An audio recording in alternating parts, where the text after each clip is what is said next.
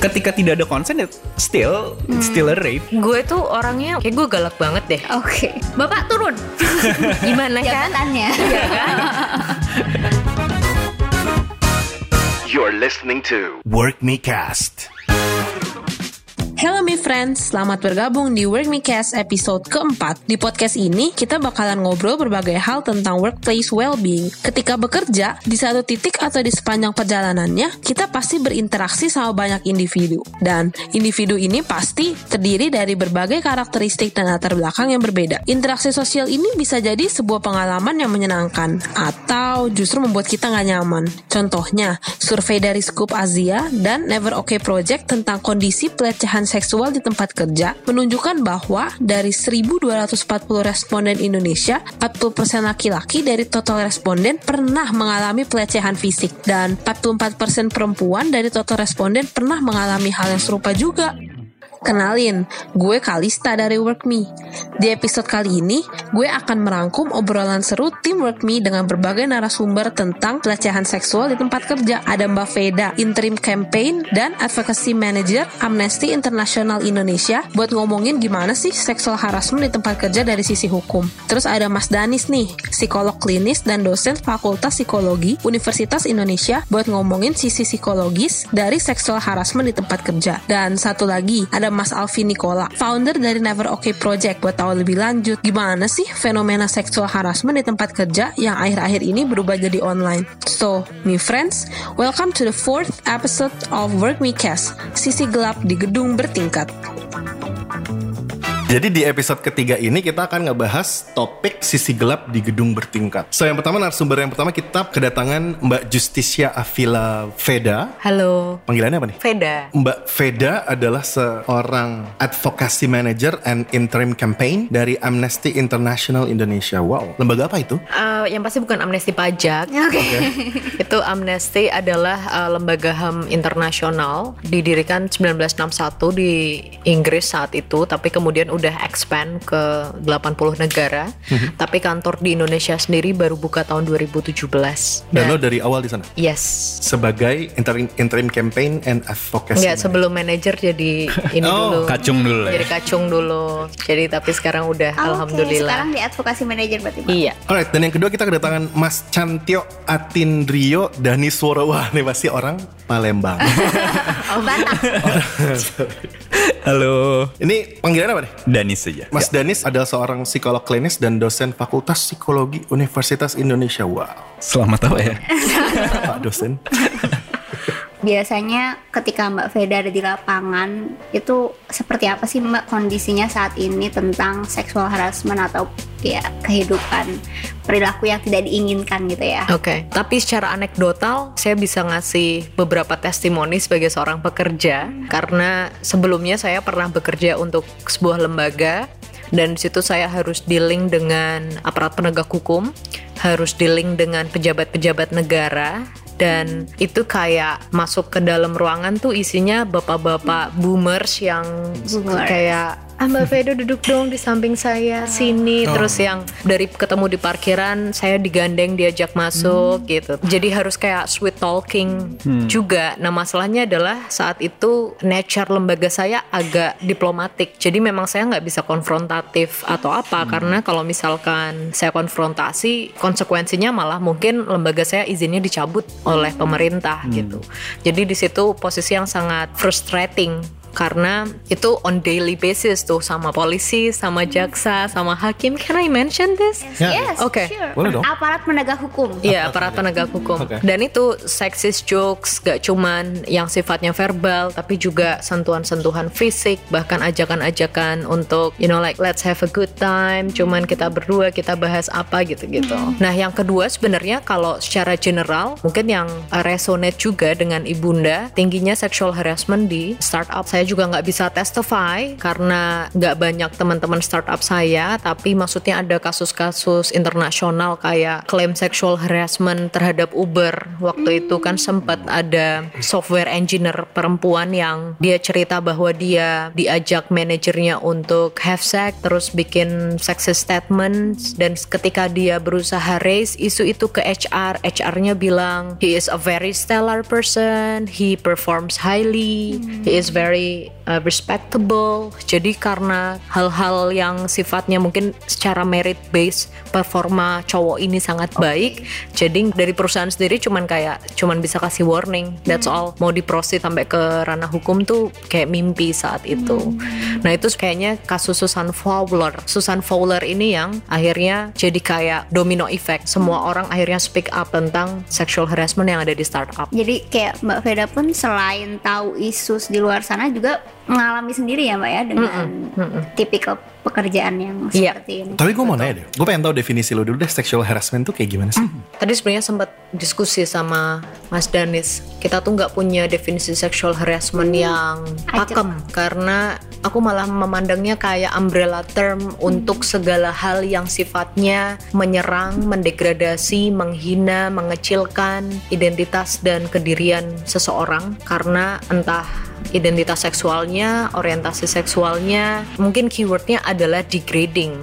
Dan bisa nanti itu degree-nya bisa sampai violence, tapi itu akan beda lagi. Nanti akan jadi sexual violence. Tapi kalau kita ngomongin sexual harassment ini kayak kita ngomongin spektrum, kita bisa bilang catcalling itu sexual harassment. Lalu kalau misalkan familiar nggak sih dengan istilah locker room jokes? Jadi kalau di US tuh banyak banget rap jokes. Itu yang keluar saat cowok-cowok habis selesai olahraga terus di dalam locker yang kayak Oke. lo lihat nggak sih cewek ini hot banget loh habis ini yang kayak gitu kayak gitu. Jokes yang hanya dikeluarkan di kalangan terbatas. Betul. Tadinya. Betul, tapi kan sebenarnya itu konteksnya ada orang, ada korban di situ yang mungkin Subjeknya. korbannya nggak terpapar langsung kan, tapi dia jadi bahan pembicaraan itu, dia jadi subjek yang lagi dihina itu, dan itu sebenarnya masuk sexual harassment terlepas dari orang ini sebenarnya tahu apa enggak gitu. Apalagi Mas Denis, sexual harassment, it's a lot. Banyak bentuknya sih cuman kalau definisinya gitu ya. Kalau ya tadi dibilang hukum kita tuh nggak ada sebetulnya apalagi masa kita cuman pakai KUHP tapi ada definisi dari ILO International Labor Organization. Intinya bilang bahwa segala perilaku yang bersifat seksual yang unwelcome, uninvited dan akhirnya ujung-ujungnya adalah degrading, menghina, melecehkan, mempermalukan itu bentuknya apa pun. Makanya tadi bisa jadi spektrum dari catcalling dari ngeliatin bahkan it- sampai ada tindakannya gitu, sampai ada touching dan lain-lain. Aku mungkin mau nanya gimana. Berarti apakah sebuah tindakan unwanted tadi atau sexual harassment itu baru dikatakan harassing itu ketika si subjeknya merasa didegradasi ataupun tanpa tadi locker room jokes itu tanpa dia tahu dia diejek pun itu udah termasuk dalam sebuah perilaku yang assaulting gitu. kalau dari sudut pandang psikologi sih sebetulnya kan fokusnya kita selalu pada subjek ya korbannya gitu. Ketika dia merasa tidak nyaman ya sebetulnya sudah pasti itu harassment gitu. walaupun kita ini sexual harassment ini sangat abu-abu sekali sih menurut gue jadi kan intensinya harus seksual ya sebenarnya ya. Maksudnya ada sifat seksualnya dalam harassment itu. Tapi masalahnya bisa aja nih misalnya ada orang liatin nggak ada intensi seksual cuman ngeliatin doang aja kayak oh ini ada orang lewat diliatin gitu. Tapi nggak ada intensi seksual. Tapi ketika yang diliatin rasa nggak nyaman ya. Itu akan jadi harassment. apakah harassment atau enggak itu kan jadi rancu ya? Oke, gitu. betul. atau sebaliknya ketika orang ada intensi seksual Walaupun godain subjek yang nggak ngerasa. Walaupun nggak ngerasa jadinya itu harassment atau enggak itu jadi sangat abu-abu sekali sih di situ gitu. Dan sedangkan untuk bisa kita menentukan kan kita juga harus punya definisi, Definisinya, hukumnya. betul. nah sedangkan secara hukum kita nggak punya itu. Soalnya mau dibalik juga kayak ya sebelum lo melakukan apa pun coba kalau misalnya lo melakukan hal itu dan subjeknya lo, lo nyaman apa enggak? Itu by definition juga kan norma yang aku pegang juga kan nggak dipegang sama yang lain-lain juga. Mungkin di level ini kalau aku ngomong kayak gini sangat subjektif Biasa banget jadinya. Ya mungkin di situ balik lagi akan larinya ke hukum gitu norma di masyarakat sekitar banyaknya menyatakan bahwa itu itu apa enggak sih kayak gitu nggak sih mbak atau hukumnya belum emang belum ada gitu Emang nggak ada sebenarnya. Tadi ngobrol sama Mas Danis, kita itu baru punya aturan yang kalau yang kaitannya sama sexual violence itu pertama kita punya undang hukum pidana KUHP. Itu pun pasalnya juga sangat minim. Pasalnya kurang lebihnya untuk mempermudah karena bahasa hukumnya agak jelimet. Intinya itu harus laki-laki memasukkan penis kepada vagina perempuan tanpa kesepakatan perempuan itu, tanpa consent. Dan itu spesifik banget tuh kayak yang masuk tuh harus penis tuh. Yes. Jadi kalau kita ngomongin kasus Marsina dulu pas dibunuh pas tahun 93 dan pas ditemuin bahwa rahimnya sobek segala macem karena ada batang kayu yang masuk, itu nggak bisa dikategorin pemerkosaan karena yang masuk batang kayu bukan penis. Padahal dia mati karena itu. Selain itu sebenarnya kalau di KUHP ada pasal pencabulan. Pasal pencabulan itu yang sifatnya dia lebih light daripada yang pasal pemerkosaan tadi. Dan ini biasanya akhirnya kalau misalkan ada teman-teman LGBT yang kena sexual violence tapi dia nggak masuk tuh ke pasal pemerkosaan yang tadi karena laki-laki dan perempuan kan heteronormatif banget kan masuknya ke pasal pencabulan tapi itu juga nggak severe dan biasanya polisi lebih reluctant untuk ngeprosit itu karena kasusnya nggak dianggap sebagai kasus yang besar dan krusial gitu loh Tapi pun sebenarnya kalau apalagi yang kasus-kasus pelecehan ya, tapi kasus-kasus perkosaan aja judgement-judgement dari Banyak penegak hukum itu udah sangat degrading gitu untuk korban gitu. Emang ya kayak tadi misalnya kamu keluar nggak basah nggak, biologically tubuh kita tuh merespons Yes. terhadap apa pun rangsangan seksual gitu. Jadi ketika kita sebenarnya basah atau apa pun itu, ya itu nggak tahu gue kata-kata yang That's tepat. a biological benar-benar. response. Iya. Iya. ya. Dan ketika tidak ada consent, it still, it's still a rape. Pelecehan seksual pasti tidak lepas dari korban dan pelaku. Namun, ada nih peran lain yang juga penting dalam kasus pelecehan seksual, yaitu bystander. Bystander effect merupakan sebuah fenomena di mana orang-orang mengurungkan niatnya untuk ikut andil atau berpartisipasi dalam suatu kejadian atau situasi penting. Semakin tinggi keberadaan bystander dalam suatu kejadian, maka semakin kecil juga kemungkinan bantuan atau dukungan yang mereka berikan untuk menangani kejadian tersebut. Apa sih yang sebenarnya terjadi pada para bystander? Kalau kita ngomongin sexual harassment sebenarnya kan kalau tadi dihukum kan mengatur bagaimana it happens gitu ya Mbak ya. Ketika itu perilaku itu sudah terjadi gitu ya. Udah ada dua, ada korban, ada pelaku ya kalau istilahnya di sini. Dan mungkin kalau aku juga tertarik dari segi bystandernya. Karena kadang hal itu terjadi di tempat yang sangat publik. Iya. Tapi orang ya keep silent aja gitu. Entah karena entah faktor apa itu. Nah, sebenarnya kalau dari Mas Denny sendiri, apa sih Mas yang mendorong seseorang tuh bisa terlibat melakukan dalam sexual harassment itu? Biasanya sih ini sering dikaitkan juga dengan pelaku kekerasan lain sih, tidak hanya sexual harassment tapi bisa domestic violence dan lain-lain. Mereka menginternalisasi value-value yang cukup tradisional, sex roles-nya mereka sangat tradisional, mereka punya hyper masculinity gitu, mereka menilai laki-laki jauh lebih powerful, terus juga ya apalagi kita hidup di budaya yang patriarkis, itu sangat-sangat berpengaruh gitu, terus juga tadi misalnya dia punya kepercayaan yang tinggi terhadap rape myth acceptance. Itu jadi si locker room jokes itu juga akhirnya banyak dikeluarkan. Itu juga jadi pengaruh yang besar sih untuk bagaimana akhirnya seseorang mau melakukan itu sih.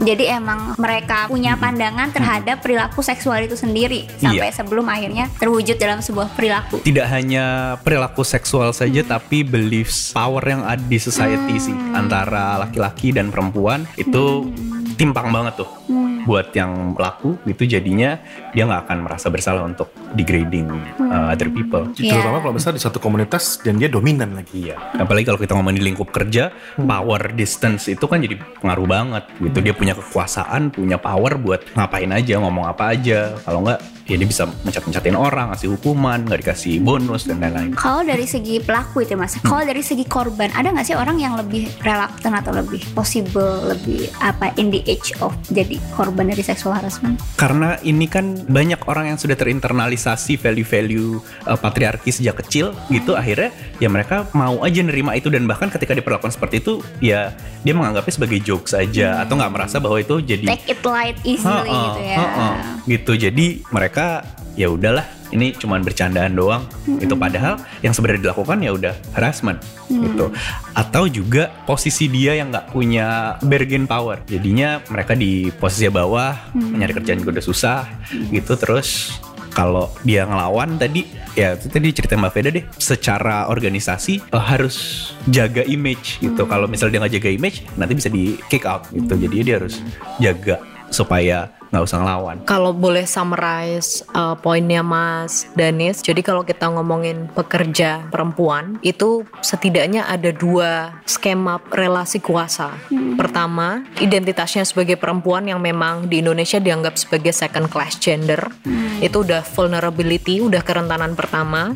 Kedua, sebagai pekerja, jelas yang namanya bos sama buruh itu relasi kuasanya jomplang banget, sama kayak kita ngomong relasi kuasa misal antara dosen sama muridnya. Kalau ini kan kaitannya sama kekerasan di kampus itu kan juga ada lagi sendiri. Jadi sebenarnya ketika perempuan bekerja, dia menanggung dua kerentanan itu.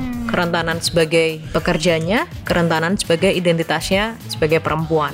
Kayak gitu sih dan belum lagi kalau kita mau lebih intricate lagi, misalkan kita ngomongin dari segi etnisnya. Karena jelas kita harus ini kayak silent norm bahwa masih ada latent discrimination di dalam diri kita ketika kita ngelihat kelompok etnis tertentu. Belum lagi kalau mereka didiskriminasi juga dilihat dari tingkat pendidikannya. Belum lagi kalau kita ngelihat dalam ranah pekerjaan itu status pekerjaannya apa? Apakah dia pegawai outsourcing, apakah dia intern, apakah dia freelancer yang kayak gitu kayak gitu. Jadi ada banyak sekali layer yang add up vulnerability-nya perempuan. Jadi kayak baru masuk kantor konteks kantor aja tuh udah cara nggak langsung ya udah sangat vulnerable untuk diperlakukan. dia tuh nggak juga nggak sadar oh ternyata gue ini ya apa? Ya salah satu bentuk calling back tadi adalah juga menyadar bahwa oh nggak boleh ya gitu Oh nggak enak ya kalau digituin. Kita kan seolah-olah melempar ya eh pengalaman gue gak yang nyaman sama. kayak gini-gini. Masa bikin statement bahwa eh gue nggak suka di, lo giniin ini tuh kayak gini-gini gini sekalian mengedukasi dia gitu.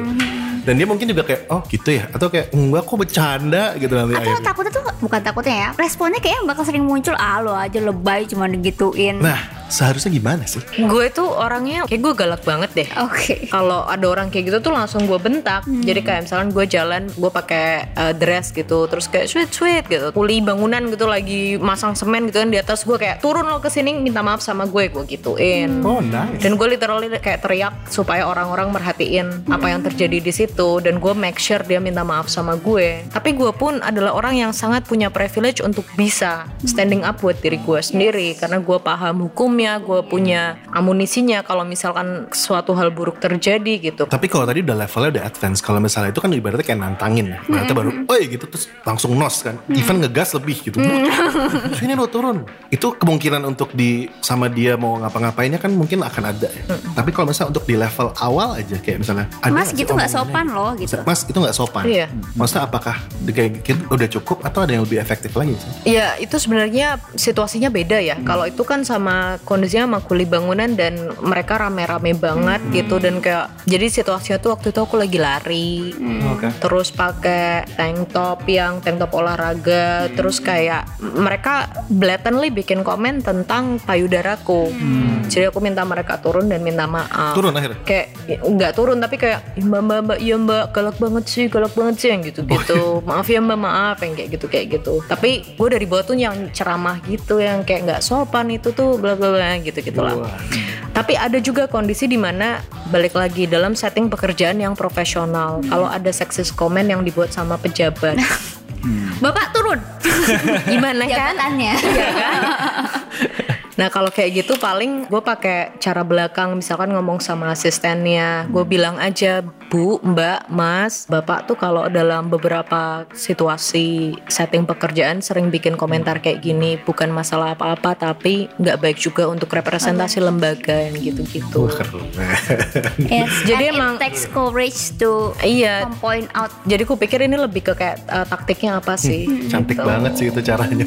Kalau dari Mas Denis sendiri, gue kan sebagai laki-laki punya privilege yang besar untuk tidak merasakan itu gitu tapi perempuan-perempuan kayak Mbak Veda ini juga nggak banyak masalahnya itu untuk Betul. yang tahu haknya yang punya keberanian itu tuh masih dikit banget Emang. gitu makanya mungkin yang pertama kali bisa dilakukan adalah awarenessnya kita Betul. uh, raising awareness gitu untuk siapa pun itu untuk laki-laki untuk perempuan sehingga ketika kita digituin pemahamannya level pemahamannya sama Ha-ha, gitu ya. Nggak nggak ngadu bacot menurut lo iya menurut gue enggak iya gitu. gitu jadi kita udah punya value yang sama bahwa bahwa ya kita nggak bisa saling rendahin gitu siapa pun ke siapa pun gitu. Jadi memang langkah pertama untuk kita bisa ya meminimalisir kali ya kalau nggak menghilangkan ya raising awareness dulu sih. Mbak Indi tuh udah sempat nyebut bystanding awarenessnya itu juga harus kayak keberanian untuk call out itu harus tumbuh juga di bystanders.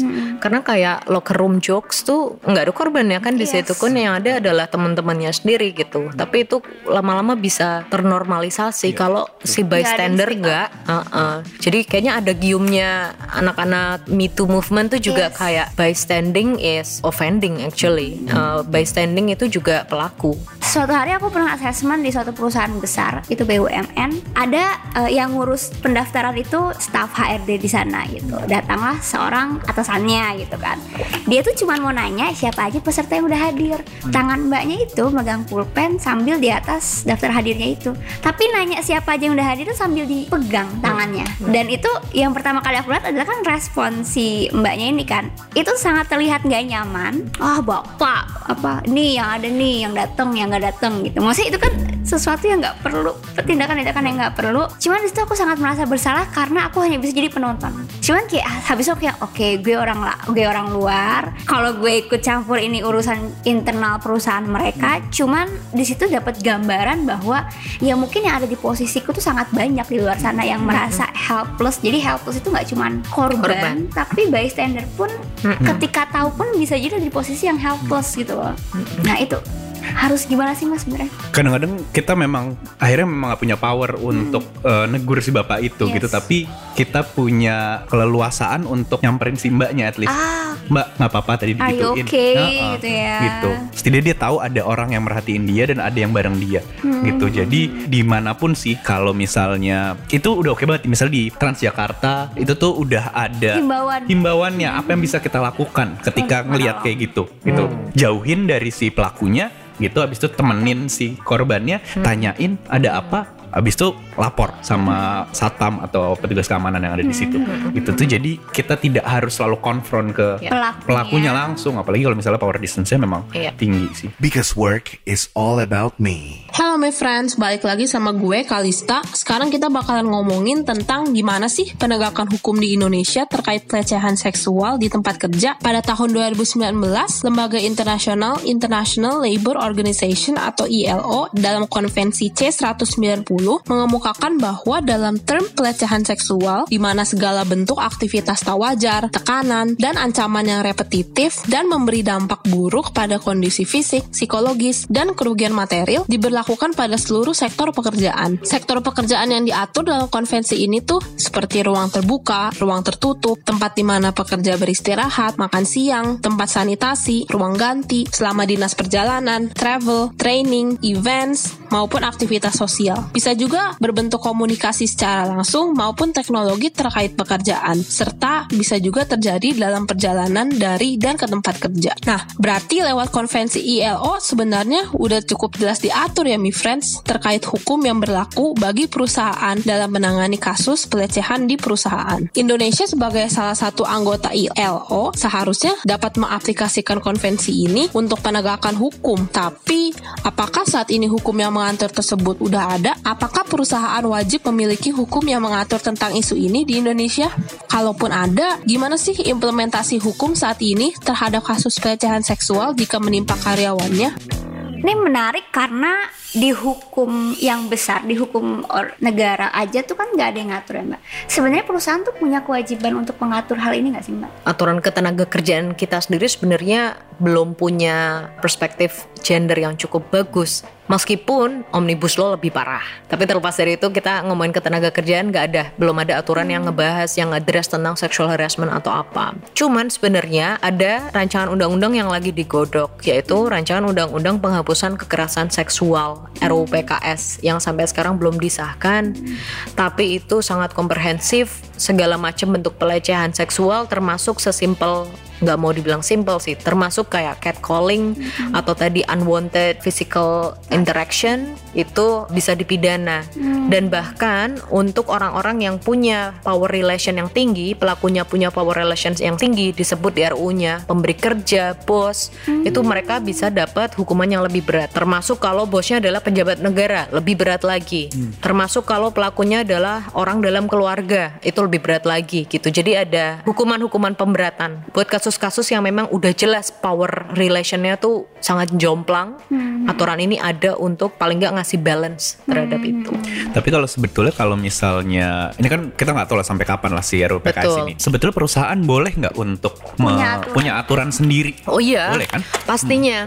Kalau kita mau tarik tadi sorry, yang aku bilang nggak ada aturannya itu kan di tingkat nasional. yang mewajibkan perusahaan ya Mbak ya? Betul. Tapi tadi Mas Danis udah nge-address masalah ILO, uh, International Labour Organization, yang mana mereka punya konvensi, mereka punya rekomendasi itu kayak standar-standar perburuhan. Dipakai. Nah, Indonesia itu anggotanya ILO ya, dan Indonesia ratifikasi tuh dokumen-dokumennya ILO. Ada ketentuan-ketentuan yang kayak harus menciptakan lingkungan kerja yang aman, nyaman untuk setiap pekerja tanpa melihat gender, seks dan etnisnya dan apanya kayak gitunya. Dan itu ada elaborasinya lebih panjang. Misalkan ya menghindari gimana membangun lingkungan yang zero tolerance towards sexual harassment. Itu sudah terejawantahkan udah ada. Guidelines-nya ruhnya ya? ruhnya udah ada di dalam standar-standar perburuan internasional. Tapi balik lagi itu semua bakal mental kalau nggak diterjemahkan dalam aturan di tingkat nasional. Berarti mi friends yang lagi nyari pekerjaan pun ya mbak ya?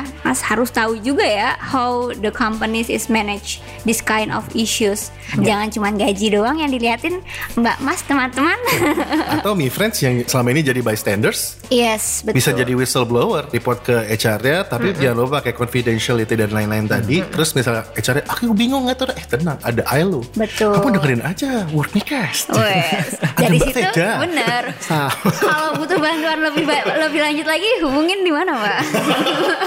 kalau butuh lawyer buat ngegugat company Oh, betul. bisa juga ya ya bisa aja Atau psikolog untuk yang mendampingi Betul. ketika mengalami itu. anjir jadi Atau promosi kalau Ya, lengkap banget ya. butuh pendampingan Iya. lebih lanjut bisa hubungin.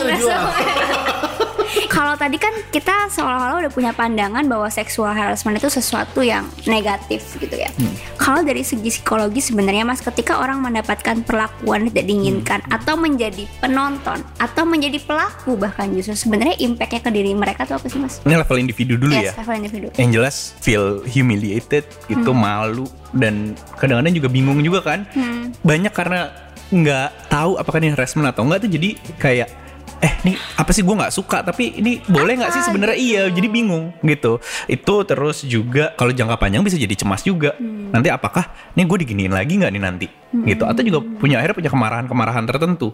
Itu sama si bosnya. Sehingga dampaknya dia kerja juga jadi akhirnya nggak produktif. Dan ya masuk juga males-malesan. Dan ya kita kalau ngomongin dampak psikologis yang jangka panjangnya bisa anxiety, depression itu sangat mungkin terjadi juga. Trauma bisa juga. Trauma bisa banget. Ka- tergantung levelnya. Makanya kalau udah cukup severe bisa sampai trauma gitu. Walaupun kita di sini trauma kita bisa trauma kecil atau trauma yang cukup Yes. besar gitu. Pengalaman yang tidak menyenangkan tuh bisa jadi trauma tetap aja gitu. Terus juga kalau sebagai kelompok kan tadi ya yang jadi korban mungkin satu orang. Tapi yang teman-teman yang lihat kan juga bisa terdampak. CRT. Heeh.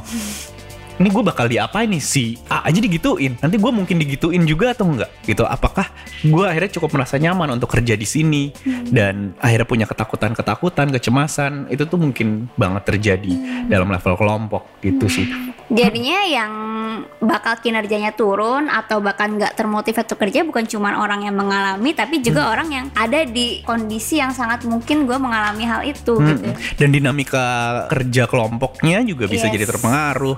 Tadinya trust sama atasan yang ini, tapi ternyata dia oh, pelaku juga gitu. Akhirnya gue mau ngikutin dia atau enggak ya? Gitu kok. Tapi dia kelakuannya kayak gitu, pinter sih tapi gitu. Jadi gimana? Akhirnya nggak produktif lagi juga. Ketika seseorang melakukan dulu lah mbak, sebenarnya apa sih yang bisa kita ancam gitu dari pelaku? Lo tuh kalau terlibat hal ini tuh bakal bisa aja dibilang bahwa eh apa yang lo lakukan itu tidak berdasarkan consentku, tidak berdasarkan persetujuanku. Yang pasti itu harus di highlight dulu karena itu kan sebenarnya kunci ya dari segala harassment dan violence itu. Bahwa itu tidak consensual dan ada aturan-aturan yang mengatur itu yang membuat kamu sebenarnya bisa dikenai hukuman.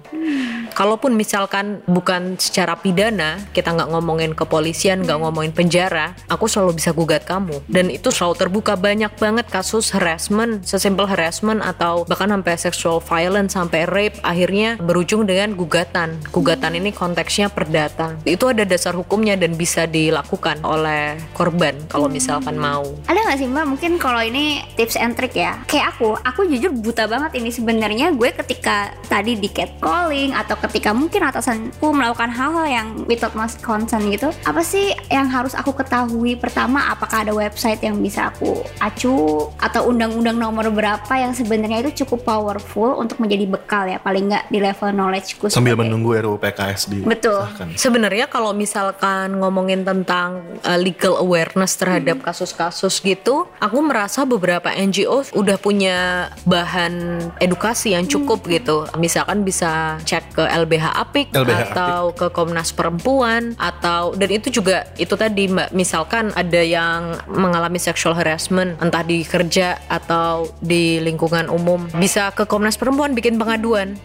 Bisa ke LBH juga antara LBH Masyarakat, LBH Apik atau LBH Jakarta bikin pengaduan dan itu nanti sama mereka bisa di strategize harus menempuh jalur apa. Sepertinya prosesnya sebenarnya seperti apa sih Mbak? Misal ketika aku melapor, ketika aku datang ke beberapa lembaga NGO yang tadi memiliki objektif untuk membantuku, apa sih proses yang akan harus aku lalui? itu bakal kembali ke assessment atas kasus per kasusnya. Jadi kita harus ngelihat juga degree of severity dari kasusnya, harus ngelihat posisi pelaku dalam artian maksudnya kalau itu pejabat jelas itu kita lebih punya banyak amunisi untuk bisa melawan dia gitu. Tapi kalau sifatnya di private company itu kita harus nyari gimana tuh Celahnya. jalan Iya celahnya untuk bisa masuk. Apakah nanti dari lembaga itu mereka bersepakat untuk bikin statement, ki- berkirim surat, menyatakan bahwa korban datang ke kami mengadukan hal-hal ini, kami mengirimkan surat ini untuk memberikan peringatan.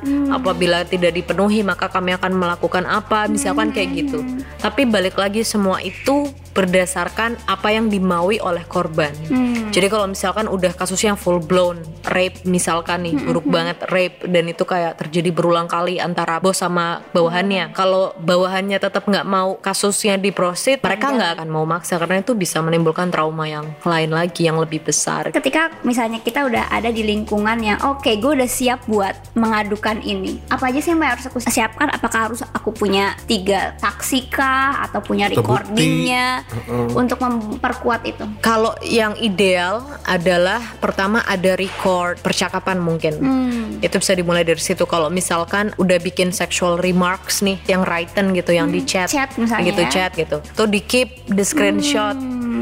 Sebelum di delete for everyone. Iya, sebelum di delete di screenshot. Terus kalau misalkan sexual har- harassment yang verbal tuh terjadi berulang kali, saranku adalah kasih notifikasi ke teman-teman sekitar, suruh mereka kayak jadi satelit gitu di antara Mbak dan si pelaku. Kalau dia mulai bikin sexual remarks, entah record, rekam, voice note, atau ya udah mereka di situ berdiri mendengarkan aja tuh mereka udah jadi saksi. Sebenarnya support system tuh penting banget yes. untuk bisa nge-elevate isu ini. Bukan cuma support untuk secara psikologis ya tapi support untuk prosedural ke depannya tuh juga sangat penting. Jadi tadi ada recording screenshot percakapan terus witness sama saranku kalau memang itu mengganggu pergi ke psikolog ke mana yayasan pulih atau ke mana terus nanti dari lembaga itu mereka bisa bikin semacam report kalau yang aku tahu ya bikin report bahwa memang siapa menceritakan bahwa dia mengalami sexual harassment berapa kali, selama berapa lama pelakunya siapa, dia mengalami ada traumanya, ada mulai anxiety-nya iya, dampaknya. Jadi untuk memverifikasi dampak dari harassment itu. Udah itu semua masukin, itu udah bisa diproses. Jadi sebenarnya nggak terlalu ribet ya, cuman memang butuh effort dan kesediaan dari segi korbannya. Walaupun sebenarnya salah satu yang membuat jadi underreport eh, kasus-kasus ini adalah satu karena tidak punya awareness, nggak tahu bahwa ini tuh apa. perilaku, Satu, yes. kedua dia nggak tahu haknya apa. Saya nggak tahu kalau company yang punya regulation untuk ngatur ini tuh seberapa banyak tuh. Saya sih agak ragu. Cukup ada yang mau komit untuk zero tolerance terhadap sexual Yes, harassment betul. gitu. Terus juga pun ada stigma-stigma ketika akhirnya mau melapor. Apakah satu apakah itu akan ditindaklanjuti? Itu jadi pertanyaan juga. Apalagi kalau tidak punya komitmen yang kuat gitu Yes. dari uh, organisasinya. Lalu pun ketika sudah punya, kan itu mungkin akan jadi di blow up. Nah, ketika di blow up dengan pandangan masyarakat yang masih sangat patriarkis, yang menganggap bahwa korban ini juga play a role dalam harassment itu, itu akhirnya menghambat dia untuk mau ngelapor gitu. Karena nanti kalau gue disalahin gimana? Tuh nanti gue dinilai jadi orang yang nggak, jadi cewek yang nggak bener.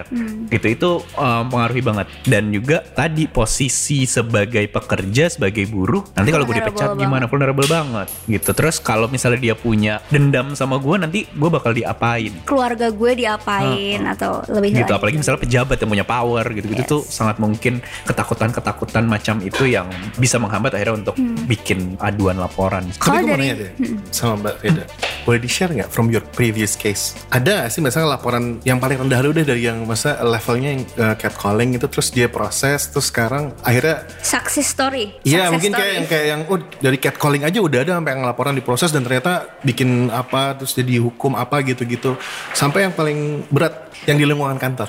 Oke, yang untuk catcalling udah ada kasus, tapi obviously aku nggak bisa sebut lembaganya apa. Tapi memang penyelesaiannya jadi antar lembaga.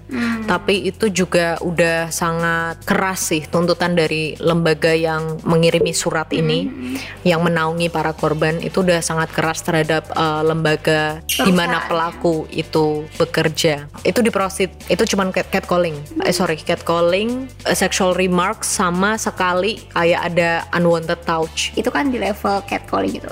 Selain itu contoh success story-nya Ini kasusku sebenarnya. Oke. Jadi aku dulu pernah mengalami assault dari atasan dan ini uniknya ya, terlepas dari hal-hal yang tadi aku bilang ke Mbak Indi, hal-hal yang harus dipersiapkan. Aku dengan semua persiapan. wawasan hukumku, dengan lisensi lawyerku, dengan backup teman-teman dan keluarga yang aku tahu pasti akan sangat suportif. Yes. Ketika itu terjadi, hal pertama yang aku lakukan apa? Ngapus semua chatnya, ngapus semua emailnya, ngeblok dia, nangis, mandi berulang kali, yang gitu-gitu loh. Yang kayak salah harusnya tuh yang aku lakukan adalah aku datang ke kantor polisi, Pak minta visum, minta visum gitu. Terus segala macam chat-chat, email-email tuh harusnya langsung aku kasih. Di tahun 2017 aku tahu bahwa pelakunya itu juga mengassault dua korban, lain. Yes. Terus aku kayak I'm not going to bystand this case gitu. Terus aku kayak gila ini kalau mis aku terus mikirnya jadi kayak kalau dari tahun-tahun sebelumnya aku udah report dia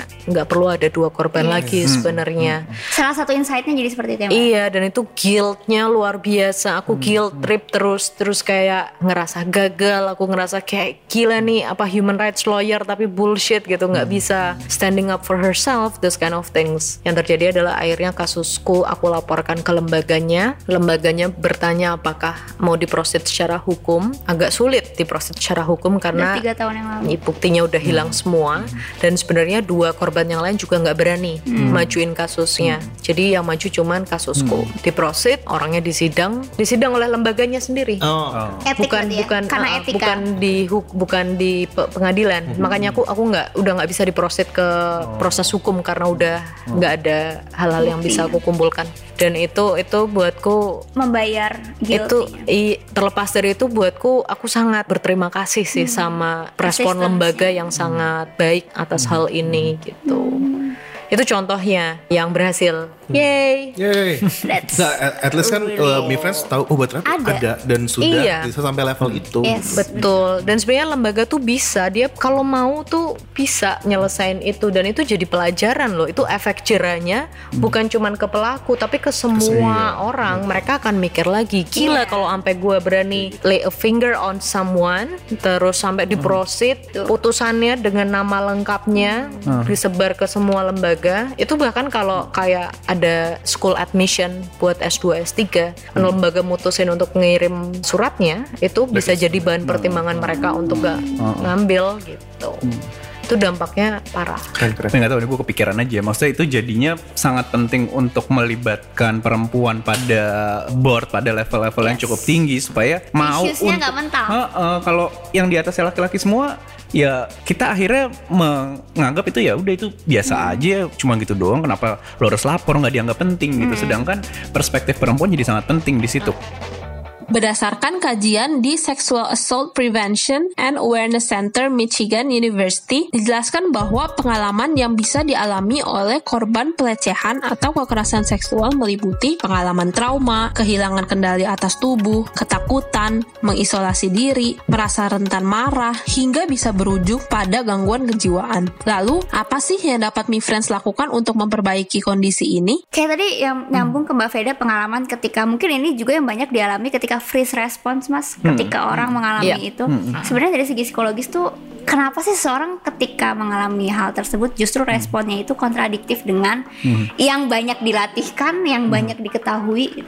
Ketika kita punya pengalaman yang sangat tidak menyenangkan kita baru dihadapkan gitu respons kita tuh tiga fight flight or freeze. Kita langsung lawan gitu misal kita diserang gitu kita langsung pukul balik misalnya atau kita cuma diem doang freeze nggak bisa ngapa-ngapain atau kita kabur flight. Dan itu respons yang sangat natural. Otak kita memang berespons secara cepat untuk itu. Dan itu ya terjadi di mana pun dalam kasus apa pun gitu. Dan eh, apalagi tadi misalnya dalam kasus-kasus yang cukup besar ya traumatik. dan kita akhirnya ya udah pengen semuanya bersih. Mungkin kita feel disgust about ourselves. Jijik dan males pengen marah juga. Akhirnya ya kita nggak bisa berpikir secara rasional gitu. Yang cara neurologis juga yang kalau kita mikir rasional tuh yang kita pakai otak depan kita gitu prefrontal cortex kita. Sedangkan itu tidak aktif ketika dalam situasi yang sangat Oh, keras gitu. Yang bermain adalah emosi kita gitu. Jadi Tapi- biologically pun kita memang sudah tidak bisa melakukan itu. terhambat gitu ya Heeh, mas ya? heeh. gitu. Jadi ya that's how it works gitu. Tapi makanya kita butuh orang lain yang mem- bisa bantu kita untuk nemenin kita sehingga kita bisa responnya nggak tek tek tek betul. gitu ya. responsnya nggak langsung kita ambil respons yang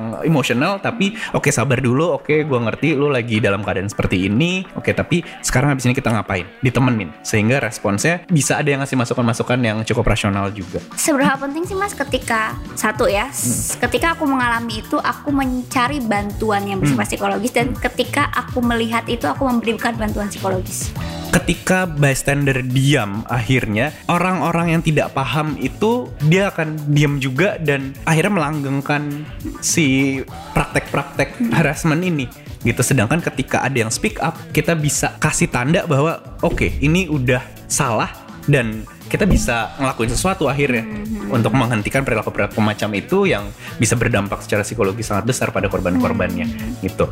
Itu adalah sebagai bystandernya. Tapi kalau sebagai korban, kadang-kadang kita akhirnya feel isolated. Kita nggak punya dukungan dan kita nggak akhirnya nggak punya keberanian untuk ngelapor, untuk maju. Kalau kita sendirian dan orang-orang lain nyalahin kita kan, ya gimana kita nggak akan terpojokkan justru oh. Mas kita ya. nggak akan ada energi untuk maju. Sedangkan kalau kita punya banyak yang backup kita dan ternyata kayak tadi misalnya korbannya juga ternyata banyak yang sudah diperlakukan kayak gitu, kita punya support dan kita bisa majunya lebih cepat lagi, lebih jauh lagi. Dan support itu ketika nggak bisa di-provide oleh orang terdekat, psikolog sebenarnya bisa memberikan bantuan di situ ya, Mas ya. Betul. Mungkin kita lihat juga tergantung severity dari uh, perilakunya juga atau emotional impactnya juga. Kalau misalnya tidak terlalu parah lah, misalnya di ya nggak mau bilang nggak parah juga sih, tapi misalnya digodain atau kayak tadi contoh Mbak Indi dipegang tangannya gitu yang mungkin nggak tahu apa yang dirasakan, tapi mungkin tidak sampai separah ketika payudaranya di grab misalnya. Support dari temen itu kan setidaknya membantu ya. Rasa tidak nyaman itu kecemasan-kecemasan itu kalau bisa di share kan itu ngurangin emotional burdennya dia gitu. dan itu yang cukup membantu setidaknya tapi ketika memang levelnya sudah cukup parah misalnya dipegang tangannya tapi ternyata di masa lalunya dia sudah punya pengalaman pelecehan juga dan itu akhirnya mengingatkan dia lagi pada pengalaman-pengalaman sebelumnya sehingga respons emosinya juga cukup intens gitu. Ketika dia nggak bisa nanganin sendiri atau temennya juga nggak bisa handle itu ya mungkin kita butuh bantuan profesional gitu bahwa ada trauma yang perlu diselesaikan dan ya emosi-emosi negatif itu yang harus diadres juga sih. Satu lagi yang aku tertarik adalah kadang pelaku ini juga kan sebenarnya punya issues ya Mas ya. Sebenarnya si pelaku ini juga berarti kan butuh bantuan profesional. Kalau dihukum ya dihukum gitu. Nah, dari segi psikologis sebenarnya ketika orang pernah melakukan itu dan dia sadar walau itu sesuatu yang it's not something I should do next atau ini bukan sesuatu yang baik dilakukan sebenarnya apa sih yang bisa dilakuin mas? Ini kita ngomong kenyataannya ya, fenomena yang ada ya. Ketika pelaku-pelaku itu, apalagi dia misalnya datang ke psikolog, dirujuk susah banget untuk mereka mau berubah. Ketika orang udah dapet kalau misalnya in ideal condition atau mungkin Mas Dennis pernah dapet kasus, ketika orang itu sadar bisa nggak sih dia berubah Mas? Kalau sadar bisa, tapi masalahnya pertama kan levelnya adalah dia nggak tahu sama sekali dia salah. Jadi bagaimana seseorang mau berubah perilakunya dari A ke B gitu itu yang pertama levelnya adalah dia nggak sadar sama sekali bahwa ini salah gitu. Lalu habis itu dia sudah mulai tahu oh ternyata yang gue lakuin salah ya. Ternyata ada dampak buat diri gue maupun buat orang lain. Abis itu setelah itu ketika dia udah sadar ada dampaknya baru dia mulai prepare. Oke gue harus ngapain setelah ini? Dia udah prepare dia udah mulai tahu. Misalnya at least udah misalnya udah nelpon ke psikolog udah bikin janji that's a preparation. Gitu that's one step. Abis itu dia datang pun datang pun kan belum tentu langsung mau berubah gitu. Abis itu ya doing a session one two sessions abis itu take action. Dia baru ngelakuin sesuatu. Nah, tapi take action ini juga kita nggak tahu berapa lama nih Komitmen. komitmen dan energi waktu Karena yang dan berubah lain-lain. dirinya bukan psikolognya tiba-tiba sim salah bu Iya. ada kadabra. Ah, gitu dan abis itu ketika sampai tahap itu ketika dia nggak merasa ada keuntungannya buat dia ya mungkin dia akan balik lagi ngapain gue ngelakuin ini orang gue nggak nggak ada untungnya juga buat gue bisa balik lagi tapi kalau kita ngomong model yang tadi itu ya dia nanti akan jadi perilakunya sudah termaintain gitu dia akhirnya mau untuk berubah gitu tapi masalahnya ketika dalam kasus-kasus seperti ini yang value-nya sudah terinternalisasi sejak kecil ngubahnya untuk dia sadar bahwa oke ada yang salah dengan ini aja tuh selang proses. Sebenarnya kalau dari semua ini kan berarti semua orang sebenarnya punya PR ya mas ya, Mbak punya. Hal yang sebenarnya bisa dilakuin untuk meminimalisir kegelapan di gedung bertingkat ini kayak gitu kan. Kalau dari sisi Mas Denny sebenarnya siapa sih yang kalau dari kita sendiri atau mungkin bisa mempoint out siapa yang paling bertanggung jawab atau sebenarnya bisa merubah kondisi ini jadi lebih baik. kalau siapa yang bisa mengubah kayaknya kita harus ngomong tetap dari semua level sih. Itu dari tadi level negara ya harus menyediakan undang-undang yang kuat juga nih. Ada kita punya selama ini kan payung hukumnya sangat lemah sekali gitu yang sangat terbatas banget sehingga yang isu-isu sexual harassment ini nggak bisa tercover sama sekali. Jadi negara pun harus punya. Terus juga dari level organisasional mereka punya keleluasaan punya hak untuk mengatur dan bikin regulasi dalam company-nya dia untuk bisa punya komitmen uh, zero tolerance terhadap sexual harassment dari level individu bystander bystander itu yang harus kita kuatkan juga. Gitu bahwa ya kita harus pick up kita harus temenin kita harus dukung si korban dan perilaku-perilaku sexual harassment supaya nggak muncul lagi gitu. Jadi level individu kelompok organisasi sampai ke negara semua harus terlibat sih. Kalau dari Mbak Veda, Jawab sih sama Mas Denis ya pada dasarnya itu pertama emang udah tanggung jawab negara ya. Kalau ngomongin siapa yang harus paling bertanggung jawab ya kalau ngomongin secara legalnya tentunya tadi negara. Karena dia harus nyiapin undang-undang infrastruktur hukum yang bisa menampung kasus-kasus bisa menyediakan pemulihan buat korban gitu. Tapi on a less legal sense ya I think everyone holds an equal responsibility for this case siapa pun itu. Bahkan di kantor mau itu direktur sampai office boy sampai office girl itu harus be held accountable equally semuanya gitu itu ketika sudah ada infrastruktur SOP guidelines yang memang bisa diimplemented gitu ya. Berarti kan berarti PR yang pertamanya adalah how to translate these issues into something yang akan diaddress dengan Tapi itu juga sih, Mbak. Maksudku kita jangan kemudian menaruh perubahan ini pada keberadaan SOP dan struktur aja. Itu kan juga kita ngomongin kultur, kita ngomongin diskursus, kita harus bisa membicarakan itu secara bebas dan aman dan tidak membahasnya dalam konteks yang tabu, tabu atau apa tidak gitu layak diperbincangkan. Jadi sebenarnya tuh nggak perlu nunggu SOP, you can always start now. Jadi gini, hukum tuh nggak ada gunanya kalau nggak berlaku. Kalau nggak ada value-nya, sama aja kayak mobil kalau nggak ada bensin ya nggak bisa jalan. Sama aja hukum kalau secara kultural, secara penjiwaan itu nggak ada, nggak bakal berlaku. Yang namanya hukum itu. Jadi itu juga kesadaran, awareness sama internalisasi on day to day basis. You're listening to Work Me Cast. Halo mi friends, balik lagi sama gue Kalista. Sekarang kita bakalan ngomongin nih topik-topik yang nyambung sama keadaan sekarang, yaitu pelecehan seksual di tempat kerja tapi saat pandemik. Emang ada ya di online-online gini tuh pelecehan seksual? Masa Zoom meeting ada pelecehan seksual? Kayak gimana sih? Makanya kita bakalan ngobrol sama satu narasumber yaitu Mas Alvin Nikola, founder dari Never Okay Project. Halo Kak. Halo, halo Kalista. Halo teman-teman semua. Sebelumnya boleh perkenalkan diri dulu sama ceritain sedikit Never Okay Project tuh apa sih buat teman-teman Mi Friends? Waduh, kalau ceritanya dikit kayaknya susah nih, tapi oh, gue coba ya.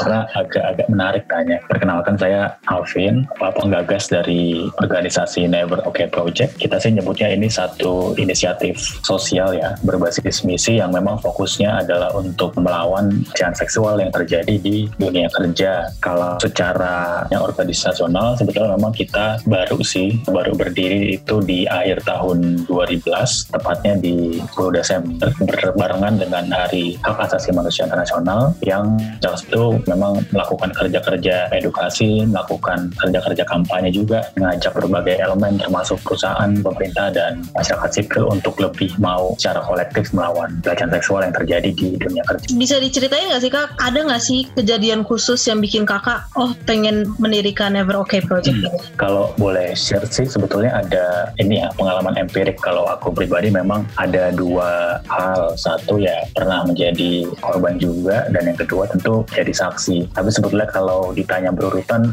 jadi saksinya dulu nih yang pertama kali aku nyadar. Jadi memang ketika aku termasuk ya pekerja baru tuh yang memang kita di awal-awal masuk ke dalam dunia kerja salah satu yang kemudian fenomena yang aku tangkap adalah adalah maraknya pelecehan seksual yang terjadi di dalam konteks relasi kerja begitu. Pengalaman epicnya di mana? Pengalaman epicnya adalah kawan jadi itu dulu nih ketika bekerja di satu organisasi bersama itu pernah mengalami ajakan yang lebih ke arah paksaan seksual begitu ya dari atasannya. Ya lalu itu berujung pada satu perasaan yang traumatik lah begitu. Nah sialnya waktu itu dia bercerita kepada saya orang yang waktu itu menurut saya adalah orang yang salah gitu karena satu saya dulu tidak memahami sama sekali awan mengenai harus bertindak seperti apa sebagai orang yang mendengar cerita atau kemudian juga orang yang salah karena saya tidak mampu memberikan rangkaian-rangkaian pilihan begitu ya agar membantu dia mengambil keputusan. Nah sejak itu sebetulnya saya menyadari betul bahwa tempat kerja itu rasanya kok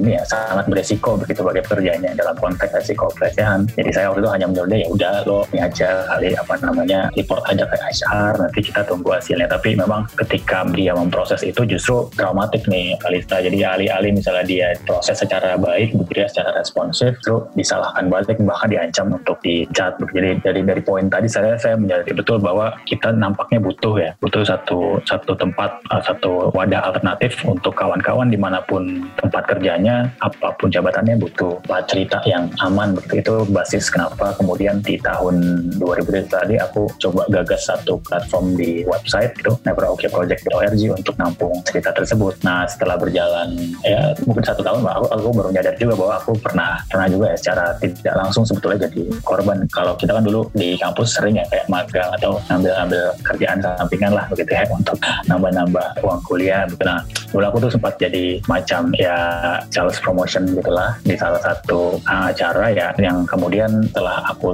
lebih paham sekarang wah itu bentuk catcalling juga nih ke Kalista ternyata. Tapi dulu kan aku senang-senang aja kan. Dulu kan justru aku uh, melihatnya ya itu sebagai bentuk apresiasi aja. Dulu, dulu aku menganggap begitu dan aku normalisasi begitu. Tapi setelah berjalan dengan Neproke juga aku menyadari bahwa ternyata bentuk harassment itu sangat sangat luas gitu mulai dari yang tadi sifatnya hanya jokes dalam konteks seksual ya sampai dengan yang terkait dengan fisik. Nah, salah satu hal yang kemudian kita perjuangkan juga di sini tadi selain membuat platform alternatif tadi ya kita mau juga nih dorong ke perusahaan, ke, ke pemerintah dan juga tentu ke kita kita sendiri nih pekerja muda agar jangan mudah mudah menormalisasi hal-hal yang seperti itu karena dari situlah sebetulnya tingkatan pelecehan yang lebih advance akan muncul. Kakak kan tadi sempat bahas ya kalau seksual harassment ini tuh bentuknya luas seperti jokes dan lain-lain. Hmm, Kan mungkin yang yang orang-orang pikir itu seksual harassment cuma bisa terjadi di kantor langsung gitu. Nah, tapi kan sekarang tuh kita lagi work from home nih gara-gara pandemi Covid, Kak. Nah, kira-kira tuh masih ada nggak sih, Kak, seksual harassment apa gara-gara wah udah nggak di kantor nih, ye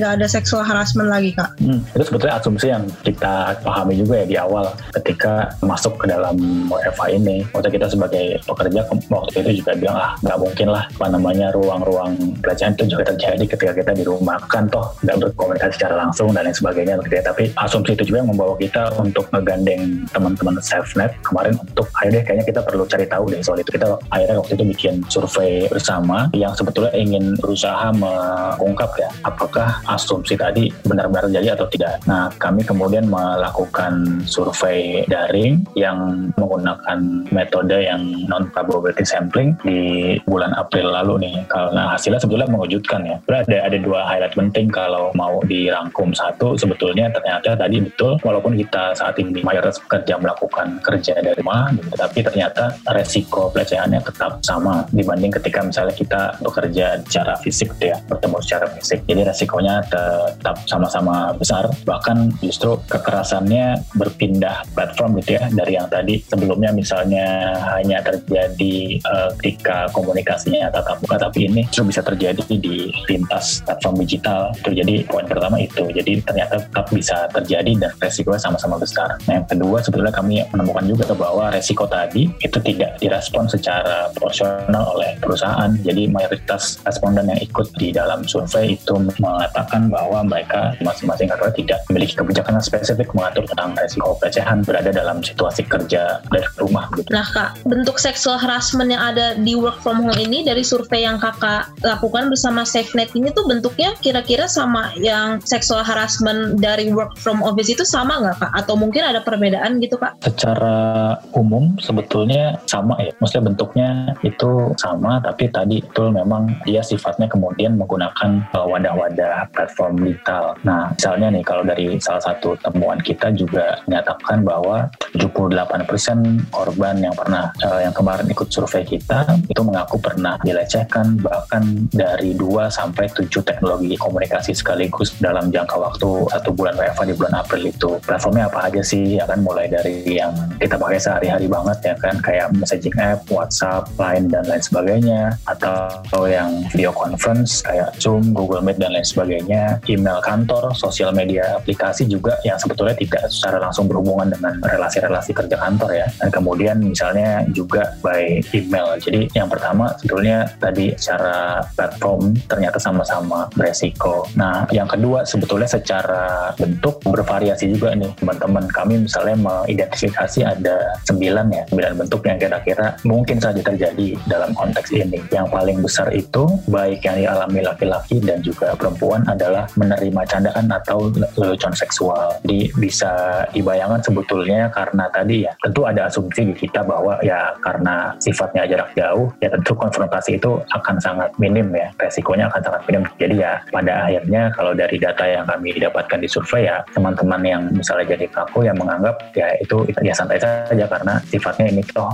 online. Jadi candaan atau pelecehan seksual mereka anggap sesuatu yang wajar dan bahkan di, dinormalisasi. Yang kedua, yang di top 2 begitu ada juga nih dikirimkan foto, video, audio, email, pesan teks atau bahkan stiker seksual tanpa persetujuan. Yang ketiga itu ada menerima komentar hinaan dan kritikan negatif terhadap bentuk fisik tubuh. Itu tiga bentuk teratas ya yang paling sering responden kami kemarin alami dalam konteks WFA. Nah sebetulnya kita dari tiga tadi saja sebetulnya kita bisa melihat bahwa secara tadi ya bentuk sebetulnya tidak jauh uh, berbeda, tapi kemudian ini dinormalisasi dengan lebih signifikan karena tadi ada bantuan quote and quote dari platform digital. Jadi sebenarnya buat bentuknya sih kurang lebih sama aja ya kak, tapi bedanya tuh kalau yang di work from home ini emang terjadinya di platform-platform online dibandingkan dari work from office yang terjadi langsung gitu ya kak? Hmm, hmm, betul. Yang menarik juga sebetulnya ini apa kita identifikasi juga kemarin kira-kira siapa pelakunya. Gitu. Nah dari temuan kemarin juga cara proporsional sebetulnya lebih banyak dari rekan kerja yang bayar nih atau setara. Alih-alih misalnya kalau di survei kami di tahun sebelumnya yang dalam konteks ini ya apa bekerja secara uh, bertemu secara fisik itu apa namanya biasanya adalah mereka yang punya kedudukan yang lebih tinggi, bisa dalam hal bisa atasan atau rekan kerja yang lebih senior begitu. Tapi ada pergeseran sedikit begitu di sini soal tipologi pelakunya, walaupun secara persentase nggak jauh beda ya. Tapi kami melihat mungkin tadi ya karena kita realnya misalnya sering ada WhatsApp grup bareng sama satu tim gitu atau suka meeting conference di Zoom bareng sama satu tim meeting koordinasi gitu ya. Jadi yang sifatnya relasinya kurang lebih setara gitu gitu rekan kerja yang sebaya jadi mungkin saja lebih banyak dilakukan oleh teman-teman ini gitu. Kalau buat gender gimana kak? Tadi kan jabatannya kalau di work from home ini sexual harassmentnya mungkin yang di teman-teman sebaya. Kalau untuk gender gimana kak? Apakah ada perbedaan? Hmm, kalau secara bentuk ya sebetulnya tidak jauh berbeda, tapi yang paling signifikan itu di laki-laki misalnya dari 9 bentuk yang tadi ya, paling yang lumayan signifikan 37 persennya itu adalah di foto uh, atau direkam secara diam-diam saat bekerja secara online tuh. Timpang begitu dengan teman-teman yang perempuan hanya 14 persen. Jadi kami melihat nih apa namanya teman-teman bekerja laki-laki itu lebih sering mengalami hal, hal tersebut. Itu jadi top 3 nya mereka lah. Di samping tadi ya dikirimin foto video atau apa namanya audio visual begitu atau menerima jokes. Tapi ada juga nih di foto atau direkam secara diam-diam tuh. Nah itu soal bentuk. Nah soal cara statistik tadi kita juga apa namanya analisis secara khusus ya. Yang memang ternyata ini nggak cuma perempuan yang mengalami tapi juga laki-laki. Bahkan dari survei terakhir itu satu dari empat responden laki-laki kita itu pernah korban pelecehan seksual selama working from home gitu. Nah yang sedihnya lagi ternyata responnya itu kurang baik ya. Jadi mostly hampir 80% laki-laki yang tadi jadi korban itu cuma bisa diem nih ke, dan bingung karena mereka nggak tahu harus berbuat apa. Nggak taunya mungkin bisa karena memang tidak tidak punya basis knowledge ya tentang apa, atau bentuk apa yang disebut pelecehan atau bukan. Tapi bisa juga ya mereka ini ya terbungkam oleh oleh stigma yang mereka rasakan selama ini bahwa misalnya ya laki-laki misalnya tidak boleh dalam hal ini lemah dalam konteks jadi korban betul tidak boleh mengadu tidak boleh dibiasakan menjadi orang yang melakukan pengaduan dan lain sebagainya tadi karena ada stigma bahwa mereka powerful begitu dan lainnya juga tadi ya 90% dari mereka tidak uh, melaporkan ataupun menceritakan kejadian itu kepada siapa pun. Jadi secara respon kami melihat juga dalam konteks ini laki-laki jadi korban dari budaya normalisasi akibat patriarki ya. Jadi mereka pada akhirnya ya sudah saya diam-diam saja lah karena saya takut ketika misalnya saya mengadu ke teman atau rekan kerja lain saya dianggap lemah, saya dianggap tidak sesuai lah dengan harapan bahwa lo laki-laki harus kuat dan sebagainya gitu sih. Uh, Tapi pada intinya semuanya itu berpotensi ya jadi korban dan pelaku. Jadi itu tuh nggak sesuai sama yang orang-orang di luar katakan ya kak katanya biasanya kalau seksual harassment tuh cewek doang yang jadi korban tapi ternyata juga cowok juga banyak ya kak jadi korban. Ya, betul. Itu sebetulnya terkonfirmasi dari tiga survei yang kami lakukan di tiga tahun ini ya. Sebetulnya semua hampir mengkonfirmasi bahwa even laki-laki itu beresiko juga dan jadi korban pelecehan seksual. Nah kak tadi juga kakak sempat singgung kalau biasanya korban-korban ini tuh nggak mau ngelapor ataupun kalaupun ngelapor dia tuh dari perusahaan tuh nggak ada respon khusus dari perusahaan untuk menanggulangi itu gitu kan. Nah sebenarnya harusnya penanganan seksual harassment tuh gimana sih kak di Indonesia? Maksudnya dari regulasi perusahaannya ataupun dari undang-undang. Lalu apakah ada perbedaan? Harusnya tuh penanganannya gimana kalau pas work from home ini? Nah dia sedihnya jadi kerja di Indonesia kan. Jadi dari segi perlindungan, eh, sebetulnya kan ide agar mendorong perusahaan ataupun tempat kerja kita berupaya ya untuk menyediakan instrumen-instrumen perlindungan itu ide yang radikal ya kalau kita sebut ya kalau di Neurocase kalau kita sendiri bilang begitu karena memang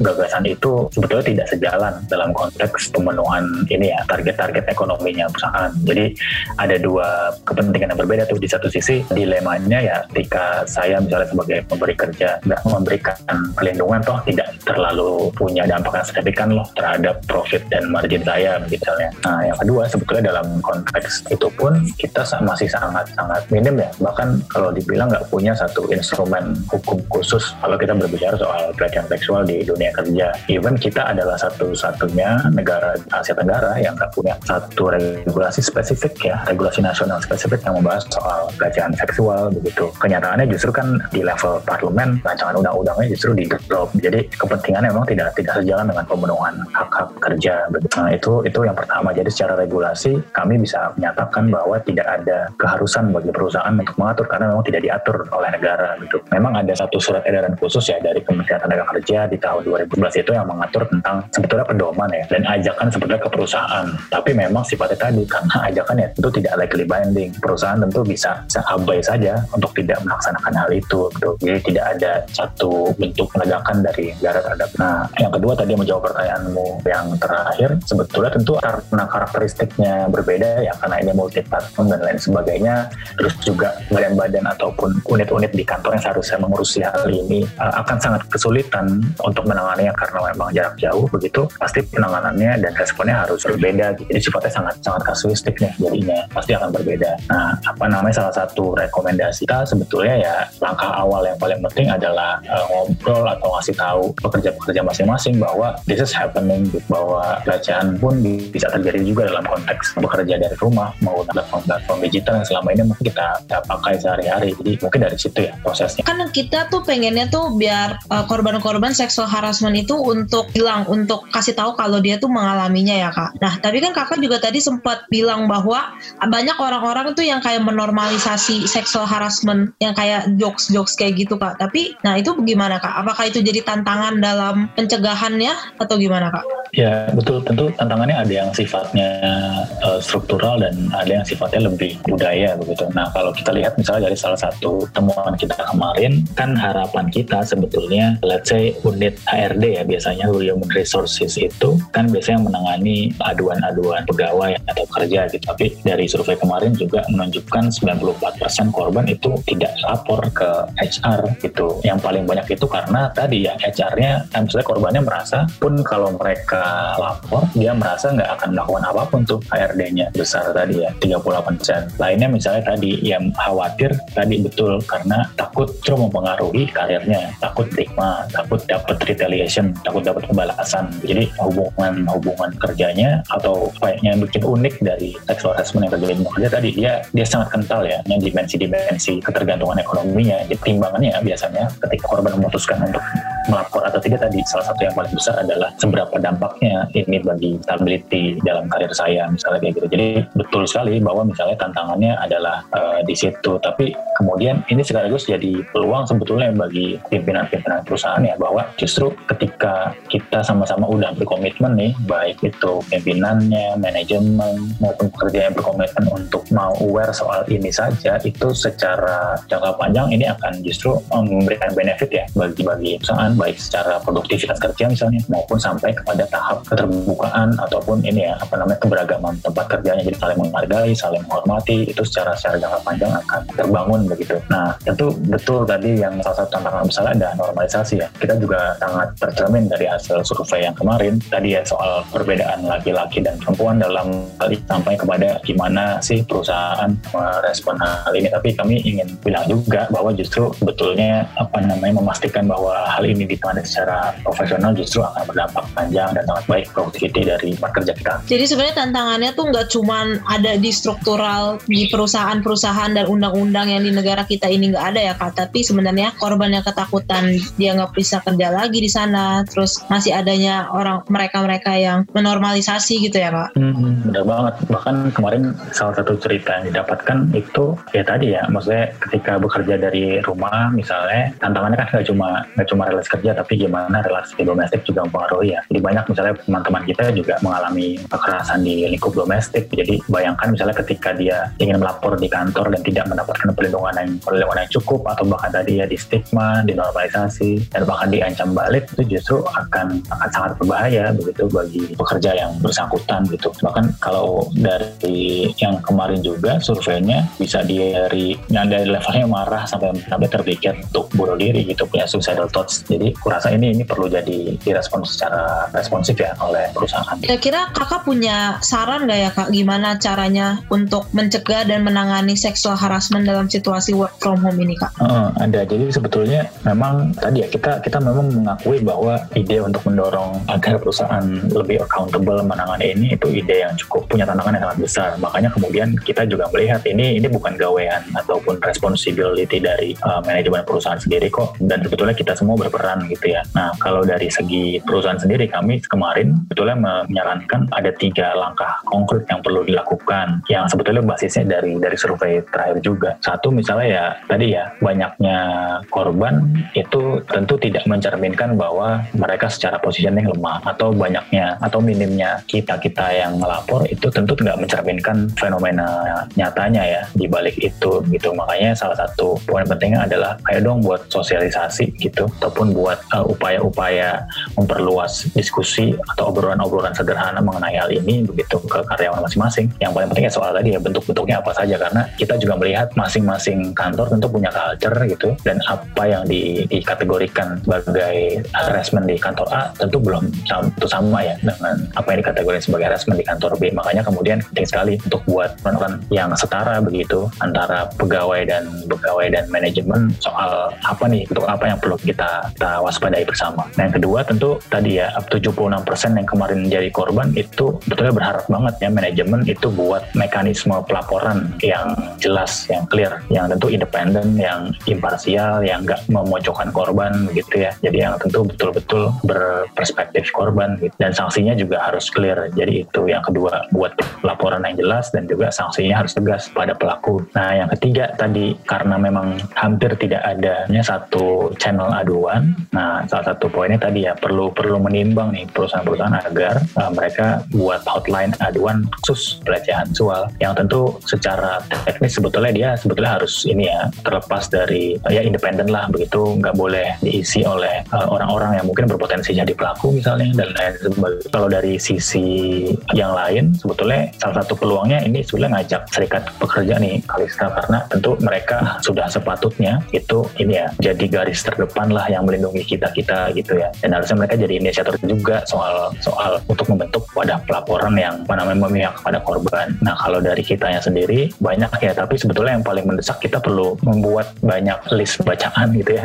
Ada saya sendiri bahwa kita perlu banyak belajar perlu banyak cari tahu soal soal mana sih yang disebut soal mana yang bukan apa yang harus saya lakukan apa yang perlu saya dan teman-teman lakukan misalnya uh, dan lain sebagainya. Bisa juga nyari misalnya apakah ada regulasi khusus nih di kantor masing-masing yang atur soal ini. Jadi sebetulnya perlu mempersiapkan hal itu ya yang paling paling penting dan jangka pendek sih begitu. Jadi psikoedukasi buat masing-masing pekerja juga penting ya kak. Jadi kalau dia tuh uh, melakukan jadi hmm, itu bisa hmm. mengidentifikasi wah ini tuh sexual harassment dan gue harus ngapain nih sekarang? Kayak gitu ya kak. Betul betul betul banget. Misalnya gimana kita mau perang gitu ya kalau nggak tahu musuhnya siapa atau nggak tahu juga apa yang kita punya sebagai modal gitu. Jadi cari tahu dan edukasi sesama pekerja itu jadi jadi sangat sangat sangat penting. Buat Never Okay Project juga bagi korban juga bisa kan kak cerita-cerita di Never Okay Project buat nanti ditindak lanjut kak. Hmm, betul betul kami buka ya intinya sih buka di mana aja yang baik di media sosial atau di website tapi memang kalau lebih enak katanya bisa teman-teman akses di website bisa cerita secara tentu anonimus ya kami mengharapkannya karena uh, itu jadi, jadi apa namanya security tertentu juga yang bisa bisa kami jamin. Nah setelah itu tentu harapannya ada tindak lanjut yang sebetulnya sesuai dengan apa yang teman-teman yang cerita tadi butuhkan. Kami misalnya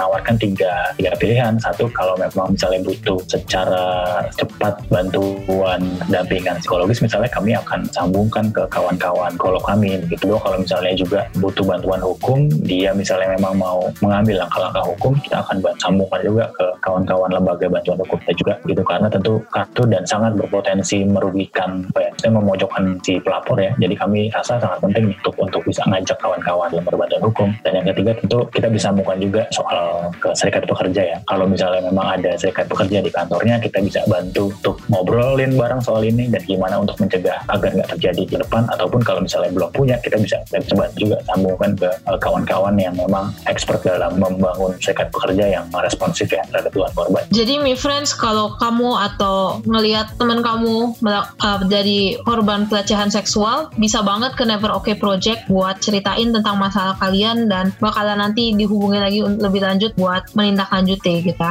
Ada lagi kak yang mau disampaikan? Cukup sih ya, tapi mungkin terakhir kita, kita bilang juga kita ingin negasin juga uh, dua hal ya. Satu mungkin seluruh upaya-upaya kayak gini nih yang kita lakukan saat ini sama Ibu ID jadi jadi penting banget nih Alisa untuk untuk tadi ya memperluas percakapan soal ini karena saat ini sebenarnya trennya makin bagus ya makin banyak orang yang mau ngomongin soal ini karena biasanya kalau dulu ya ini ini juga cuma terjadi di ruang-ruang ruang-ruang sempit lah kalau kita habis kerja terus ngobrol sama teman ya udah itu aja gitu. tapi sekarang kan udah udah mulai banyak terbuka di publik gitu ya. Ini ini jadi tren baik dan kami rasa penting untuk dilanjutkan. Nah yang kedua sebetulnya tadi kalau teman-teman memang kebetulan jadi korban please jangan uh, menyalahkan diri sendiri ya. Uh, karena yang kami temukan biasanya gitu. Apakah misalnya uh, pada akhirnya mengkoreksi uh, penampilan mengkoreksi behavior rasa itu tidak ada hubungannya dengan apa yang teman-teman terima. Justru uh, apa namanya kita harus harus fokus kepada pelakunya gitu. Dan uh, tiga tadi betul uh, apa namanya justru upaya-upaya yang kayak gini-gini nih maksudnya yang peer support itu yang sebetulnya datang dari rekan-rekan kerja yang sebaya itu biasanya jauh lebih lebih efektif ya. Uh, alih-alih misalnya datang dari luar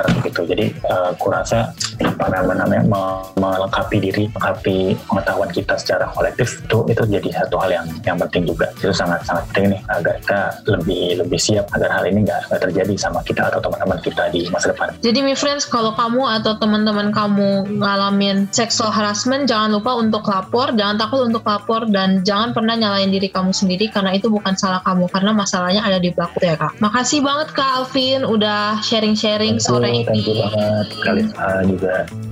Nah, mi friends, jadi tahu kan ternyata fenomena pelecehan seksual di tempat kerja itu gak cuma terbatas di kantor aja, tapi bisa juga terjadi online. Jangan lupa ya mi friends buat share tentang hal ini ke semua teman kalian karena ini tuh penting banget, gengs. Thanks for tuning in. See you di episode selanjutnya. Bye. Because work is all about me.